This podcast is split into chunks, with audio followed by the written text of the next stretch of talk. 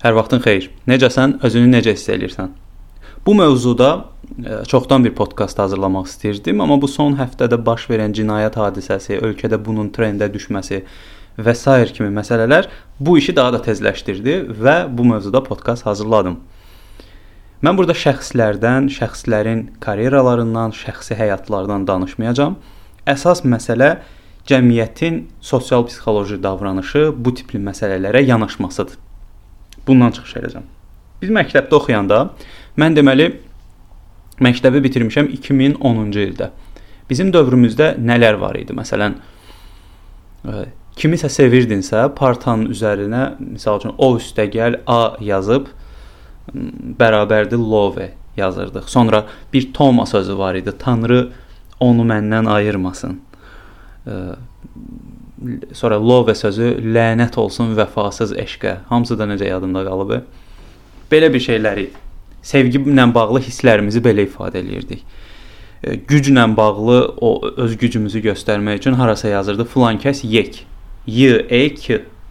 Bizim dövrümüzün ən o aktual sözü idi yek. Filan kəs yekdir, mən yek oğlanam və s.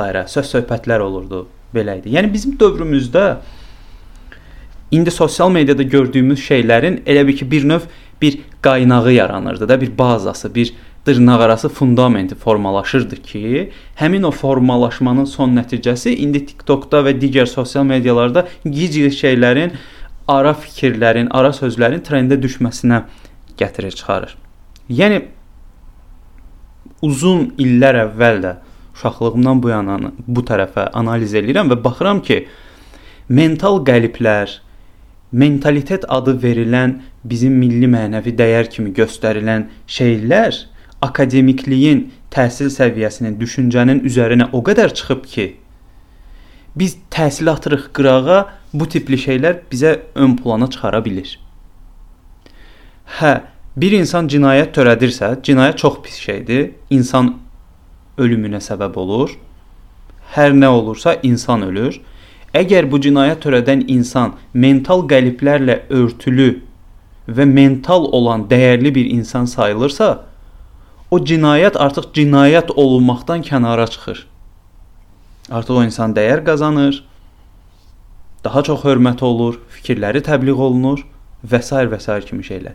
Yəni qanunla yox, əksinə mentallıqla, yəni qeyri-qanuni şeylərlə hərəkət daha ön planda olur və sən qeyri-qanuni şeyləri özünə ideal seçərək nəticələr əldə edirsən.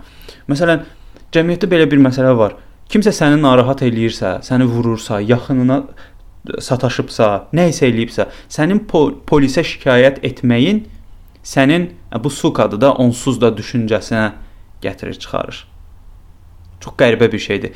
Hüquqi for onsuz da deyir polis də ondan pul alacaq da, belə olacaq. Bu tipli fikirlər illərdir insanın beyninə hopur və insan nə nitq üzərində, nə dünya e, görüşü üzərində çalışır, ortaya bir nəticə çıxara bilmir və onun beynində olur ki, vəssalam onu çağırdım söhbətə, döyəcəm onu.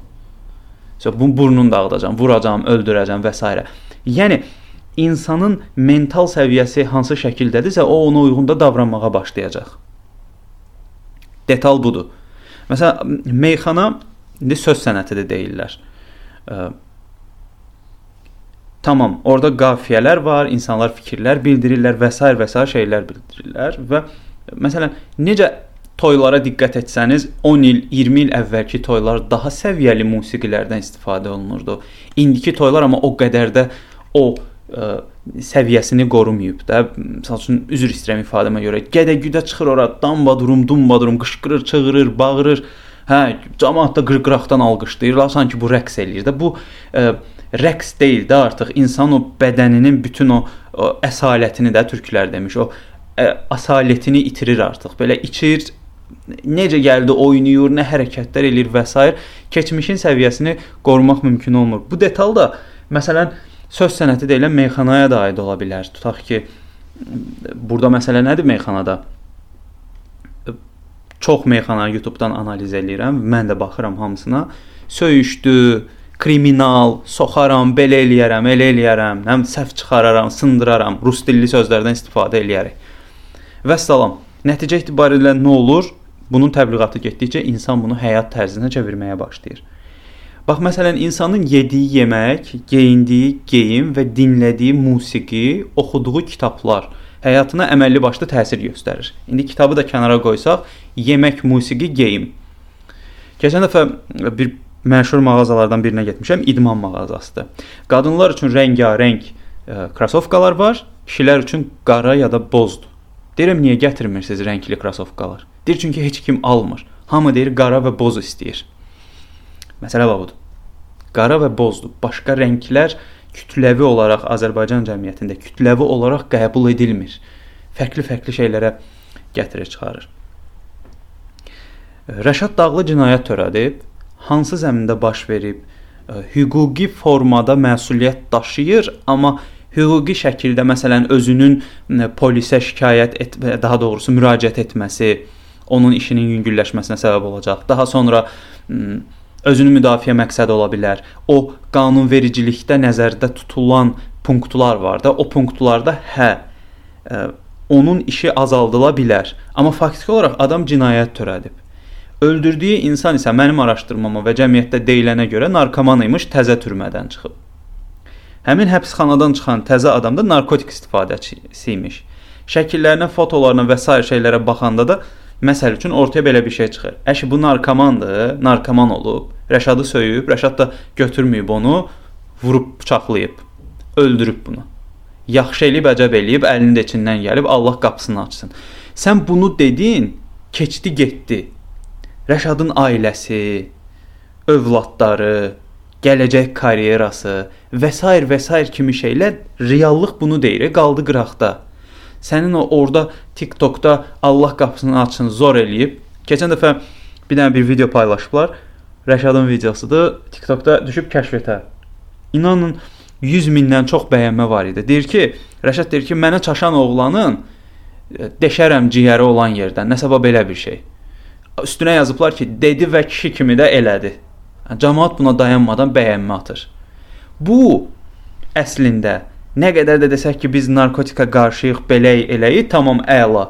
Amma bu sözü paylaşan adam dolayısıyla cinayəti təbliğ eləmiş olur. Yəni mənə çaşan oğlanı vurub öldürərəm də. Bəs hüquq, bəs qayda, qanun. Texnoloji dindarlar çoxalıb indi. Yəni nəsə baş verir, Allah qapısını açsın, bir dənə belə stiker atdı ora və salam. Sonra işini bitirdi. Zor eləyib. Özdə o dilin də o orfoqrafiyasını, leksikasını qorumur da necə gəldi? Zor eləyib. Ə, məsəl üçün sözləri yeyir, cümlələri fərqli formada deyir. W problemi var idi, o, o biraz düzəlib amma yenə də qalıb. Ş-nı W kimi yazırdılar. Yəni adam cümləni yaza bilmir, amma kişinin oğlu ideologiya paylaşır. Zor eləyib, bomba eləyib kişidir, nə bilim əsl kişi belə olmalıdır və s. və s. kimi şeylər. Bunların hamısı mental qəliblərin problemidir ki, bu adamlar akademik şəkildə düşünə bilmir. Məsələ budur. Bir insanın yaxşı və ya pis olması onun qarşıdakı insanlara hansı və necə formada təsir göstərməsindən asılıdır. Əgər sən öz bacarıqlarını yanındakı adama, ətrafındakı adamlara və ümumi olaraq cəmiyyətə ə, e, saxta formada təbliğ edirsənsə, Cəmiyyət mental olaraq saxtakarlaşacaq, kriminalistik vəziyyətə düşəcək. Psixoloji problemli vəziyyətə düşəcək. Hər şeyi soxmaq, yortmaq, döyməklə həll eləməyi nəzərdə tutacaq. Məsələ budur. Özünü müdafiə başqa şeydir. Öldürmək, şiddət göstərmək, soxmaq, yortmaq başqa şeydir. Məsələ budur. Bax bu aşırı şəkildə mental qəlib insanı doğru və akademik şəkildə o idarə olunmağına, hərəkət etməyinə imkan vermir. Hərbidən yeni qayıtmışdım, kəşfiyyatda xidmət eləyirdim. 2 nəfər ə, e, qıza sataşırdı bulvarda. Xanımlar sakit oturublar. Mən də hərbiçi beyni, baş xarab ki, olduğumuz mühit ə, e, çox ə, şeydir. Ciddi və idmana yönümlü yer idi. Bunlar dedim, niyə eləyirsiniz? Bunlar mənə başladı söyüş söyməyə və əl qol atmağa. Özümü müdafiə məqsədi ilə, özümü müdafiə məqsədi ilə müdafiə etdim. Bunları zərərsizləşdirdim. Yaxındakı polisə müraciət etdim. Gətirdilər, apardılar bölməyə. Bölmədə danışdıq. E, polis kapitanı idi.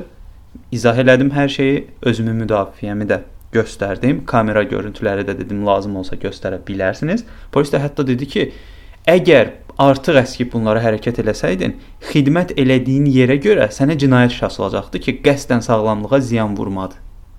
Məsələ budur. Yəni mən məsələni elə tənzimləməyə çalışdım ki, məndə hirsimi yatızdırım. O e, dayandığı yerə insanı narahat eləyirdi. Bu mənim e, məsəl üçün borcumdur, öhdəliyimdir. Mən belə oğlanam məsələsi deyil ha. Məsələ odur ki, bu adı qarşıdakı insanı narahat eləyir. Kobudcasına narahat eləyir adam. Məsələ budur. Amma bunu akademik şəkildə bir ifadə eləməyə çalışdım polisə. Və mən heç bir problem olmadan ərzəmi də yazdım çıxdı. Onlara nə elədilər, hansı formada elədilər? Qanunla nə elədilər, nə iş gördülər, nə aldılar, nə qopartdılar özləri bilər. Əsas məsələ bunu alçaq bir hərəkət edən adam hüquqi qiymət aldı. Məsələ budur. Rəşad Dağlı həbs olunandan sonra onun o son dediyi meyxanada bir cümlə var da, bariqa mal satanlar getsin öz evinə satsın. Anası da kulüvatdasın, anası da kulüvatdasın. Bunu BMW, Mercedes, Priora, həm Daewoo, Assamant bütün maşınların arxasına belə qaqalar yapışdırırlar.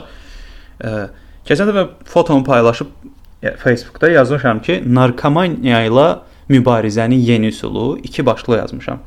Nəsə bunu mizah kimi qəbul edən də var, lağlağı kimi qəbul edən də, ciddi qəbul edən də. Bir nəfər messengerə yazıb ki, qaqaşdan onu məzə üçün yazmısansa, yervidə gəlirəm səndən söhbətə.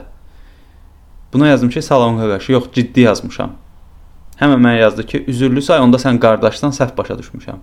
Yəni qardaşla o düşmən arasında bir incə xətt var da. Bir dənə mən yazdım ki, yo ciddi yazmışam və səlam mən artıq onun qardaşı oldum. Niyə? Çünki insan akademik düşünə bilmir. İnsan mental qəliblə yaşayır. Sözlərim, yəni indi məni kim dinləyirsə, kimisə alçatmaq, əzmək üçün deyil. Həqiqətən insanı insan edən onun düşüncəsidir, həyata baxış bucağıdır. Bu adam mövzuya akademik yanaşa bilmir. Sırf mental tərəfə fokuslanırsa uçuruma gedəcək. Heç bir nəticə əldə edə bilməyəcək. Məsələ budur.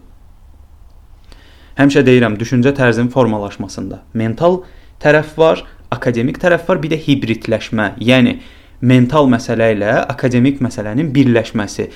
Bir insan cinayət törədir. Cinayətin akademik formada, yəni hüquqi şəkildə, psixoloji, sosial psixoloji şəkildə ə, nəticələri var cəzalandırma üsulları var. Bu məsələnin akademik tərəfidir. Bir də işin mental tərəfi. Dədə-baba, el, adət, ənənə və s. bu var. İkisinin balansını tuta bilmək hibridlik yaradır. Bir tərəfli düşünmək insanı uçuruma aparır, amma hibrid düşünmək o ortamda idarə etməyə səbəb olur. Məsələ budur. Girmişəm bir dənə məhəlləyə, bir cavan oğlandı, götürüb ora söyüş yazıb ki, misal üçün narkotik satanlar, nəşə çəkənlərin anası, bacısı belə-belə yazıb ona. Çağırmışam, deyirəm ki, o divara onu yazmısan. Ana bacılar sənin namusun, qeyrətindir. Deyir ki, hə. Deyirəm bu məhəllədə çıxan bütün adamlar onu görəcək də. Divara niyə yazırsan ki onu? Məsələn, bunu kənarda müşahidə edən adam mənə deyər ki, "Asa narkomaniyanı təbliğ edirsən, düz eləyir də, oğlan zor eləyir onların jargonu ilə. Zor eləyir. Zor eləmir amma. Ona görə ki, divara yazılaraq nəyisə təbliğ olunmur təbliğat prosesi akademik şəkildə baş verir. Təhsillə dövlətin qurduğu strategiya ilə, təhsil sisteminin gücləndirilməsi ilə, müəllimlərin dəyərləndirilməsi ilə, cəmiyyətdə kütləni düşündürməyə çalışan insanların rifah halının yüksəldilməsi ilə və s. və s. şeylərlə baş verir. Bu tipli məsələlər heç nəyi həll eləmir.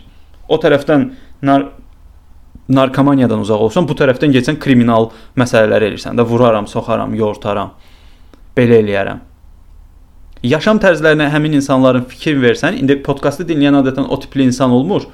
Daha belə düşüncə səviyyəsi yüksək olan insanlar olur. Cəmiyyətdə o tipli insanlar üst səviyyədədirlər. Çox üst səviyyədədirlər və çoxluq təşkil edirlər. Bunların hamısı əməlli başlı sıxıntıya gətirib çıxarır. Uzun sözün qısası danışmadan, hər hansı bir hərəkət etmədən öncə düşünməlisən. İnsanın sosial psixoloji strukturu düşüncə üzərində qurulur. Düşüncə necə düşünürüksə elə hiss eləyirik, necə hiss eləyirsə də elə də davranırıq. Buna diqqət eləməlisən. Vəssalam. Əks halda ya gülünc obyektinə çevrilirsən, ya başqa-başqa ortamlara gedib düşürsən və istədiyin o sistemi qura bilmirsən. Belə, nəsə çox danışdım. Təşəkkür edirəm dinlədiyinə görə. Fikirlərin olsa mənə sosial mediadan yazmağı unutma. Növbəti podkastda görüşərik. Hələlik.